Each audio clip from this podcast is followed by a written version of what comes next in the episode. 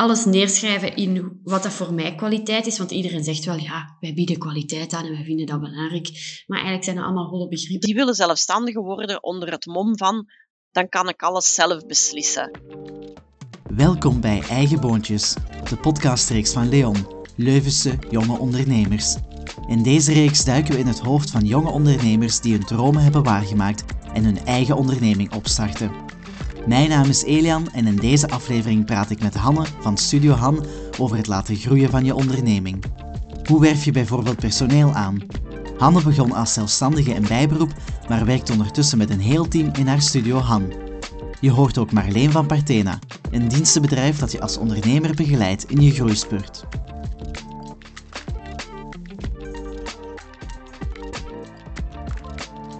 Um, het was spannend, heeft corona daar wel een beetje bij geholpen. Want in 2016 ben ik dan in bijberoep gestart en dat betekent dat ik ook een hoofdberoep had.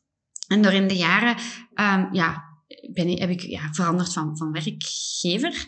En tijdens corona was er op die plek, um, ja, ben ik op tijdelijk werkloosheid geplaatst en uiteindelijk ontslagen.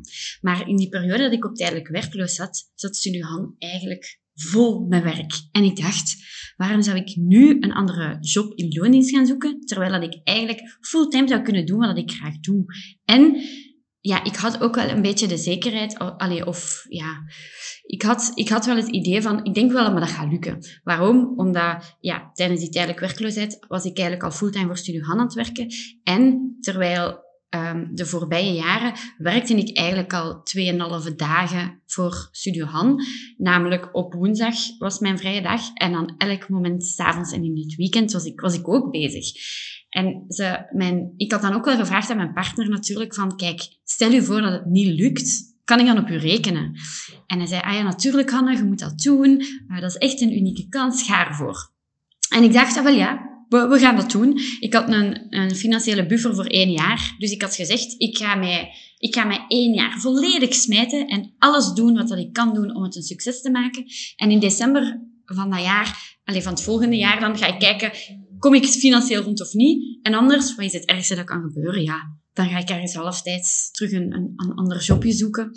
En uh, in december, na dat jaar, um, was het um, overduidelijk dat het zeker, zeker ging in orde zijn. Dus uh, ja, dan ben ik ervoor gegaan. Hanne wilde haar dromen uitbouwen, maar besefte na een tijdje dat ze de vraag niet langer kon bijhouden. Haar onderneming groeide en dat is natuurlijk positief. Maar Hanne kon niet langer alles zelf alleen doen. Toch heeft ze de beslissing om personeel aan te werven niet genomen na één nachtje slapen. Ze heeft erover getwijfeld en dat is niet onlogisch. Marleen van Partena vertelt dat ondernemers wel vaker beginnen als eenmanszaak, omdat ze ervan uitgaan dat alles wel alleen zou lukken. Maar na een tijdje botsen ze tegen de grenzen van hun eigen succes. Um, als we, wat wij meesten inschrijven um, als starters zijn natuurlijke personen. Hè. Dat wil zeggen dat je eigenlijk een eenmanszaak opstart en dat je in je eentje aan het werken bent. Dat zijn mensen die dat, die dat ook wel nogal snel zeggen, van ik doe alles wel alleen. Zo, hè. Maar ja, van zodra dat die onderneming begint te groeien, gaat dat niet meer natuurlijk, hè, van alles alleen te doen. En dan komt inderdaad die overweging van, ga ik personeel aannemen of hoe ga ik dat oplossen? Um, is dat een grotere stap dan effectief ja, um, de stap nemen van zelfstandige te worden?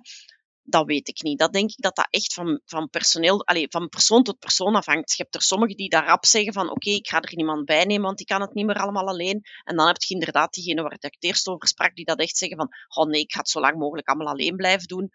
Soms al totdat ze erin verzuipen, zoals ze zeggen. Maar ja, dat, is, dat hangt gewoon van ondernemer tot ondernemer af. Um, als we spreken over rechtspersonen, dus dat zijn mensen die dan eerder een uh, BV oprichten bijvoorbeeld, um, die zullen denk ik al iets sneller geneigd zijn van personeel te gaan aannemen, omdat die ook meestal het dadelijk iets groter zien. Omdat daar ook meestal de, de financiële mogelijkheden, de, de inkomsten en de uitgaven, die zijn ook meestal iets groter dan bijvoorbeeld bij zo'n natuurlijke personen, die dat gemakkelijker ook in bijberoep gaan opstarten. Bijvoorbeeld iemand die een bijberoep opstart, die dat echt doet als, als zijnde, ja, om uit te proberen of dat hem dat later wel als hoofdberoep wil gaan doen. Of de tweede groep, die dat zeggen van nee, ik doe dat in bijberoep en ik blijf dat altijd. Dus een beetje een, mijn hobby, waar ik maar meer geld mee kan verdienen, die gaan niet zo snel die stap nemen, denk ik, voor personeel in dienst te nemen. En daar is dat ook meestal niet zo direct nodig. Hè. Ik had veel te veel werk. Ik dacht, hoe doet iemand dit ooit? Hoe ga ik dit ooit alleen kunnen doen? En ik dacht echt, zelfs heb ik na drie maanden een burn-out. Dit, dit, dit is niet oké. Ik was ook weer heel lang aan het werken, heel veel uren aan het doen, want ik had mezelf natuurlijk beloofd, Hanne, je gaat er alles aan doen om dat hier te laten werken. Maar ik was er dus ook echt alles voor aan het doen, behalve voor mezelf aan het zorgen. Dus dan dacht ik, ja, dit kan ook zo niet verder. En dan ben ik begonnen met inderdaad freelancers te zoeken die bepaalde stukken van mijn onderneming um, ja, mij konden bijstaan om, om dat werk al wat te verlichten, dat ik terug een beetje op adem kon komen. Ik denk dat het, voor, dat het sowieso wel een drempel is, omdat als je, als je in de zin van, als jij werk aan iemand anders gaat geven, heb jij, mag je er niet van uitgaan dat dat ineens 100% in orde is zoals jij dat wilt. Je moet die coachen, je moet feedback geven. En ja, daar kruipt ook tijd in. Maar als je het je moet samenwerken met andere mensen zien als een investering op lange termijn. In de zin van, als die... Ik heb bijvoorbeeld een grafisch vormgeefster onder de arm genomen die mij heel hard geholpen heeft met um, visitekaartjes opmaken, flyers opmaken, um, binnen, binnen de huisstijl die dat ik dan had bepaald. En dan gaf ik aan, kijk, zo en zo zie ik het. Zou jij dat alsjeblieft verder willen uitwerken?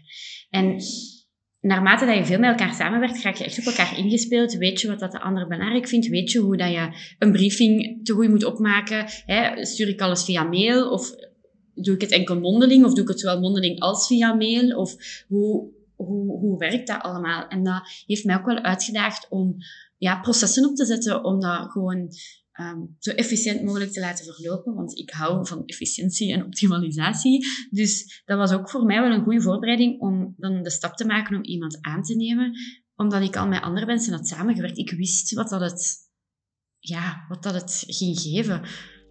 Op zich is de, de stap van freelancer naar iemand vast in dienst is kei spannend, maar de manier van werken is vrijwel hetzelfde, vind ik persoonlijk.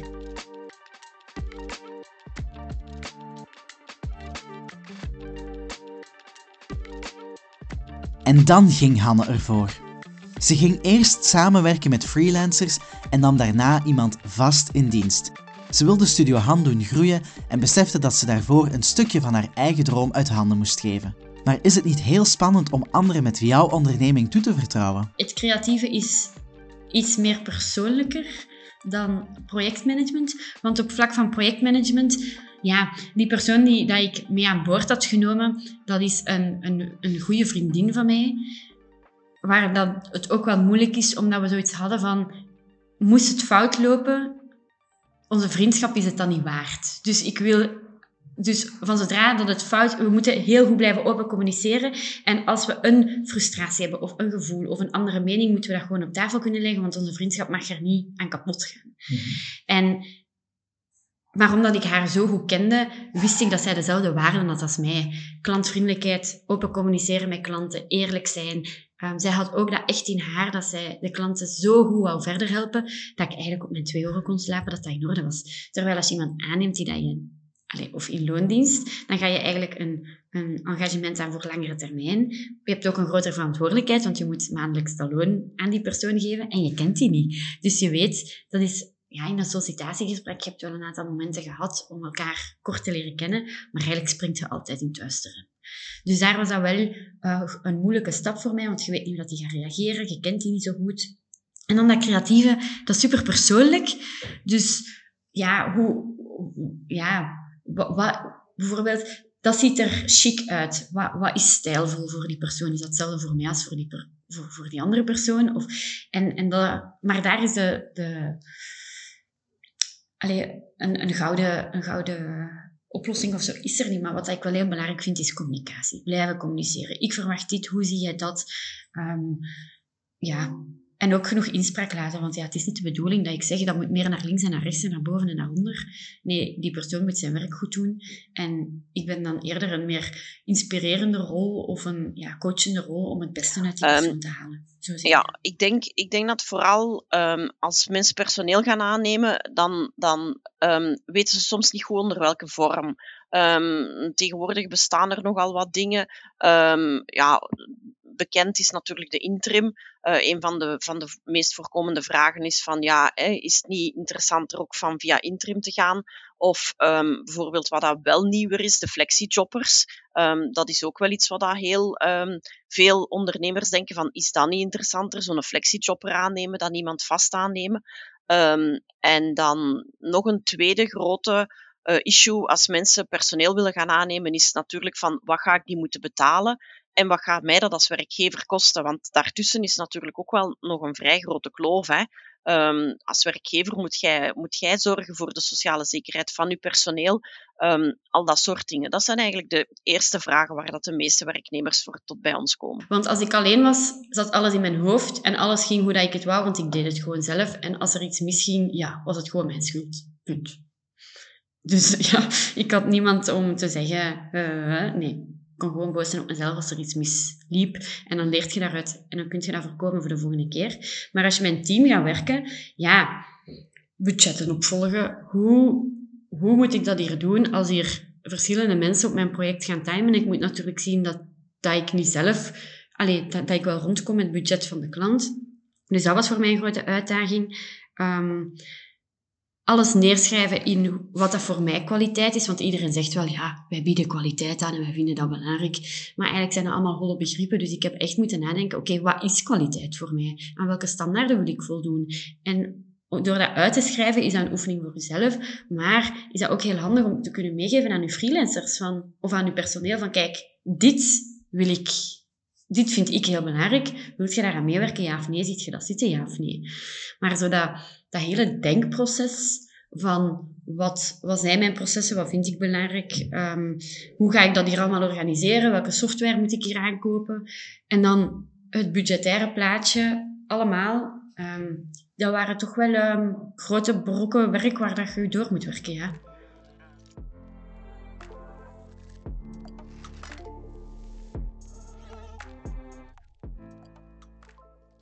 The perfect man for the perfect job. Dat lijkt wel een soort levenszoektocht voor iedereen. Maar hoe vind je nu die juiste job? En meer nog, vind je als ondernemer ooit de juiste fit voor de juiste job binnen je bedrijf? Dat is iets wat wij heel veel horen, dat dat wel heel belangrijk is. En zoals je waarschijnlijk ook wel gehoord hebt, is het op dit moment niet zo gemakkelijk om de witte raaf, noemen ze meestal in de HR-termen, om die te vinden. Um, en, en, maar het is toch wel zeer belangrijk. Zeker ook als kleine zelfstandige. Um, gaat jij daar moeten kunnen op vertrouwen dat als jij iets niet doet, dat die andere persoon het even goed doet als jij natuurlijk. Hè. Als je in een iets grotere onderneming zit, waar dat er iets meer klanten zijn, dan is daar misschien al wat meer flexibiliteit.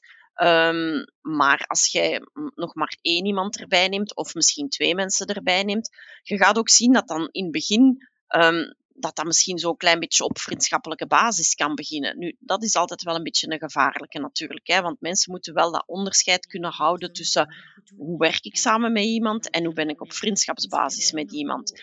Dus maar de juiste persoon vinden om dat te doen, ja, dat is een hele belangrijke. Ik kan begrijpen dat sommigen dat als verloren tijd zien, maar ik haal daar ook wel energie uit. Omdat ik vind het echt mooi om te zien hoe dat die personen kunnen groeien in hun job.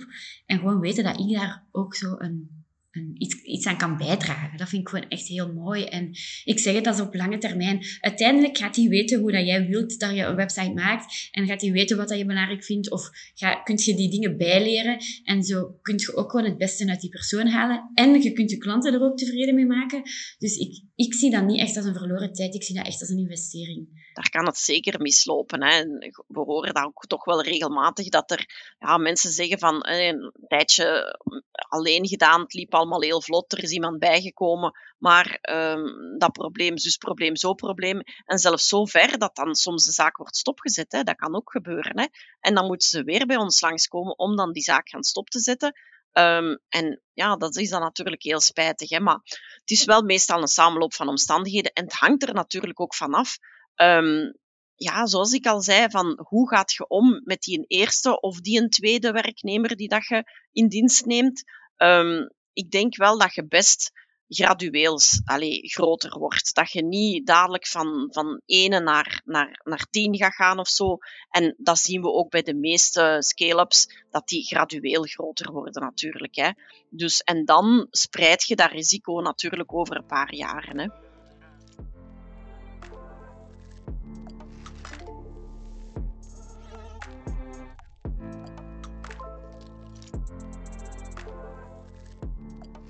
Het loopt niet altijd van een leien dakje.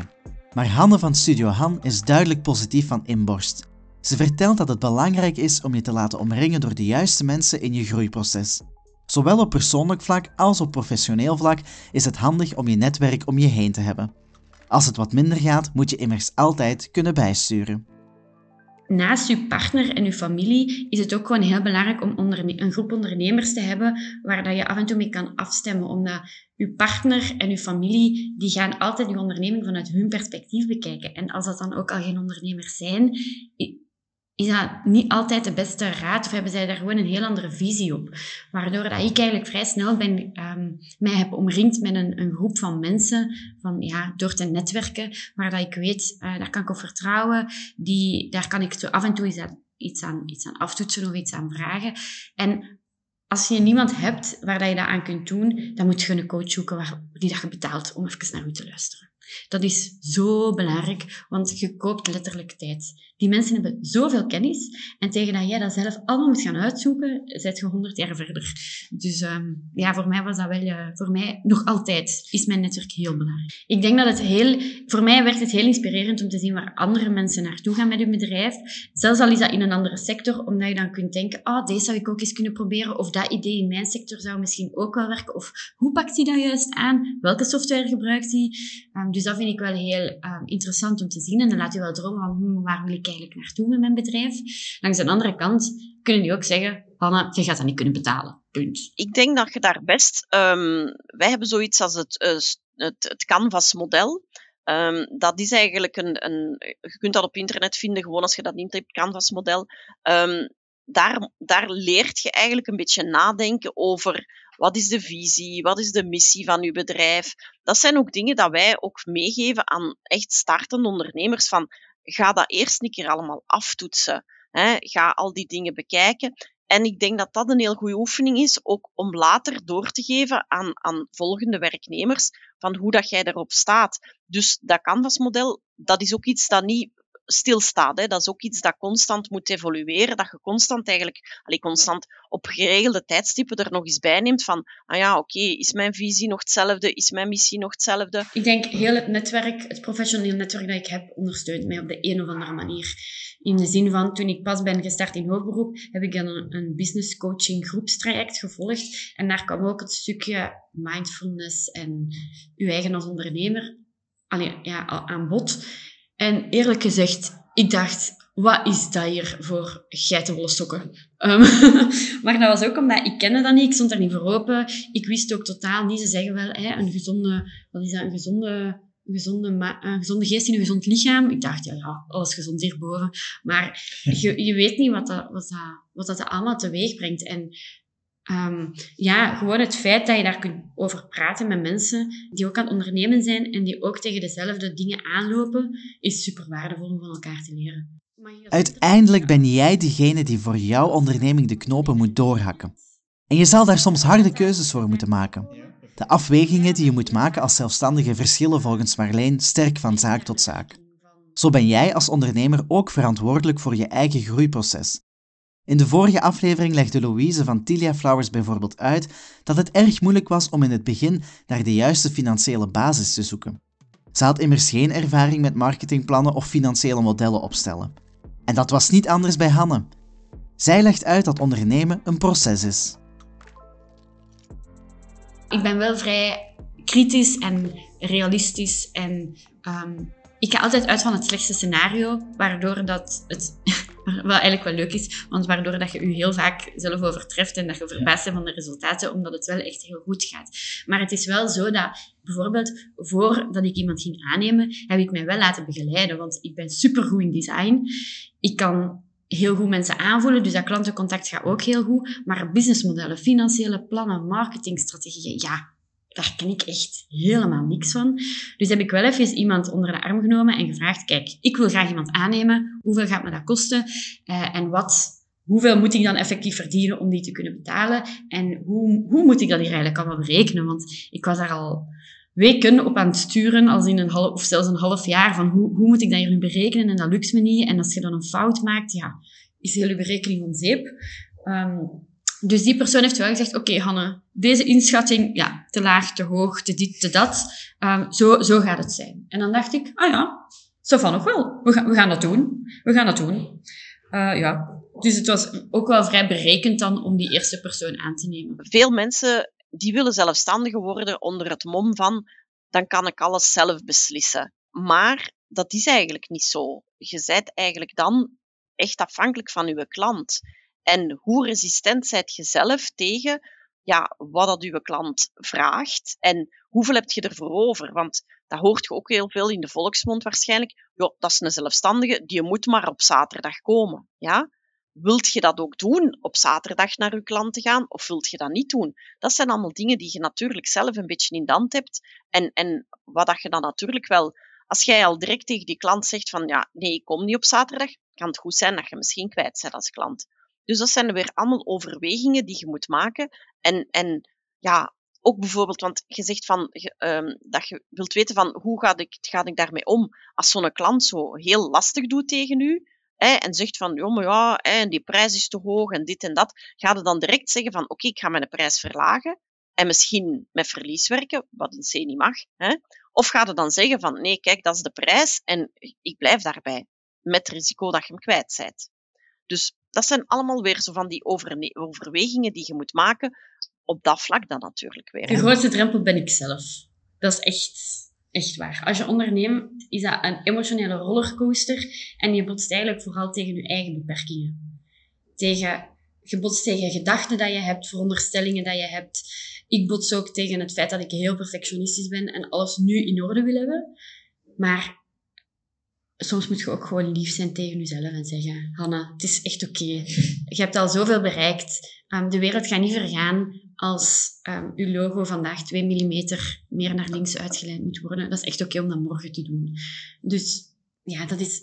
Ik vind ondernemen gewoon een heel groot leerproces en heel verrijkend ook. Ik heb zoveel geleerd op die twee jaar dat ik nu zelfstandig in hoofdberoep ben, dan dat ik geleerd heb in al die jaren onder een baas te werken. Vooral ook op, vooral op persoonlijk vlak.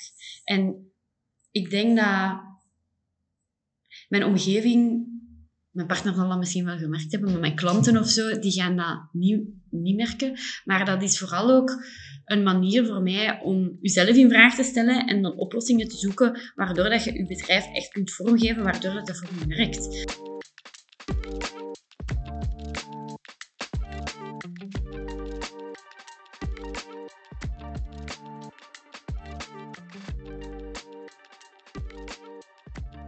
Toen ik Hanne ontmoette voor eigen boontjes, straalde ze. Ze vertelde vol trots over Studio Han en haar parcours. Ik zag een enthousiaste onderneemster voor me en dat enthousiasme werkt aanstekelijk. Voor mij is het nog altijd, het is mijn werk, maar omdat ik het graag doe, voelt het wel nog altijd, ja, het is ook een verplichting en het is ook effectief werk en serieus en veel verantwoordelijkheid, maar ja, ik vind, omdat ik dat zo leuk vind om te doen wat dat ik doe en omdat ik echt ook geloof in wat dat we doen. Nu, jawel. Jawel. Er is wel een moment geweest waarvan ik dacht, ja, nu gaan we het doen. En dat was inderdaad bij corona, tijdelijk werkloos. Ik had eigenlijk heel veel... Eigenlijk was het bij mij zo. Ik had een dag op woensdag dat ik voor mezelf werkte, dus voor Studio Han. En dan s'avonds in het weekend werkte ik ook voor, voor mezelf. En dan ging ik eens kijken naar hoeveel uren werk ik eigenlijk al voor Studio Han. En als ik nu naar volledig in hoofdberoep ga, moet ik dat eigenlijk niet van één dag naar vijf dagen gaan, maar eigenlijk maar van 2,5 naar 2, naar 2,5 extra dagen. Dus eigenlijk moest ik mijn business maal 2 doen en niet maal 4. Wat ook al wel een groot verschil is. En omdat je die financiële buffer hebt, ben, allez, is dat ook wel gemakkelijker dan om die stap te maken. Maar je moet niet denken, oh, ik ga van mijn bijberoep hoofdberoep maken. Ik kan hier gewoon op mijn, op mijn luie poep zitten en het werk zal wel komen. Het is wel echt keihard werken, maar ik had het daar wel echt ook voor over. Ik denk als je dat echt wilt, dat je dat gewoon moet doen en proberen. En berekende risico's nemen. Ik zou vooral um, nog willen zeggen aan de luisteraars dat ze vooral hun dromen moeten volgen. Dat als je echt heel gepassioneerd bent door iets en dat je misschien inderdaad al een hobby hebt waar dat je dan ook je beroep van wilt maken, doe dat allemaal in kleine stapjes. Hè. Maak van je hobby een bijberoep, laat dat groeien. Ga misschien vier vijfde werken of halftijds werken in je hoofdberoep. En laat dat organisch groeien. En wees lief voor jezelf, leg jezelf niet te veel druk op, maar ga er ook wel keihard voor. En geniet van het proces. Dat, uh, ja, dat wens ik iedereen toe. Je luisterde naar de derde aflevering van Eigen Boontjes, de podcast van Leon, Leuvense jonge ondernemers. Leon is een samenwerking tussen de stad Leuven, KU Leuven, UCLL, Lucas School of Arts en wordt ondersteund door Vlaio. Je hoorde de stemmen van Hanne Schoolmeesters van Studio Han, Marleen Gelles van Partena en mijzelf, Elian Pergola. Met deze podcastreeks willen we ondernemende jongeren inspireren en motiveren. In de volgende aflevering vertelt Linde van Tilia Babywearing dat het belangrijk is om aan je eigen gezondheid te denken als ondernemer. Heb je na het beluisteren van deze podcast zin gekregen om zelf aan de slag te gaan en je eigen woontjes te toppen? Check dan zeker de website van Leon via www.leuvensejongeondernemers.be. Meer informatie vind je in de beschrijving van deze podcast.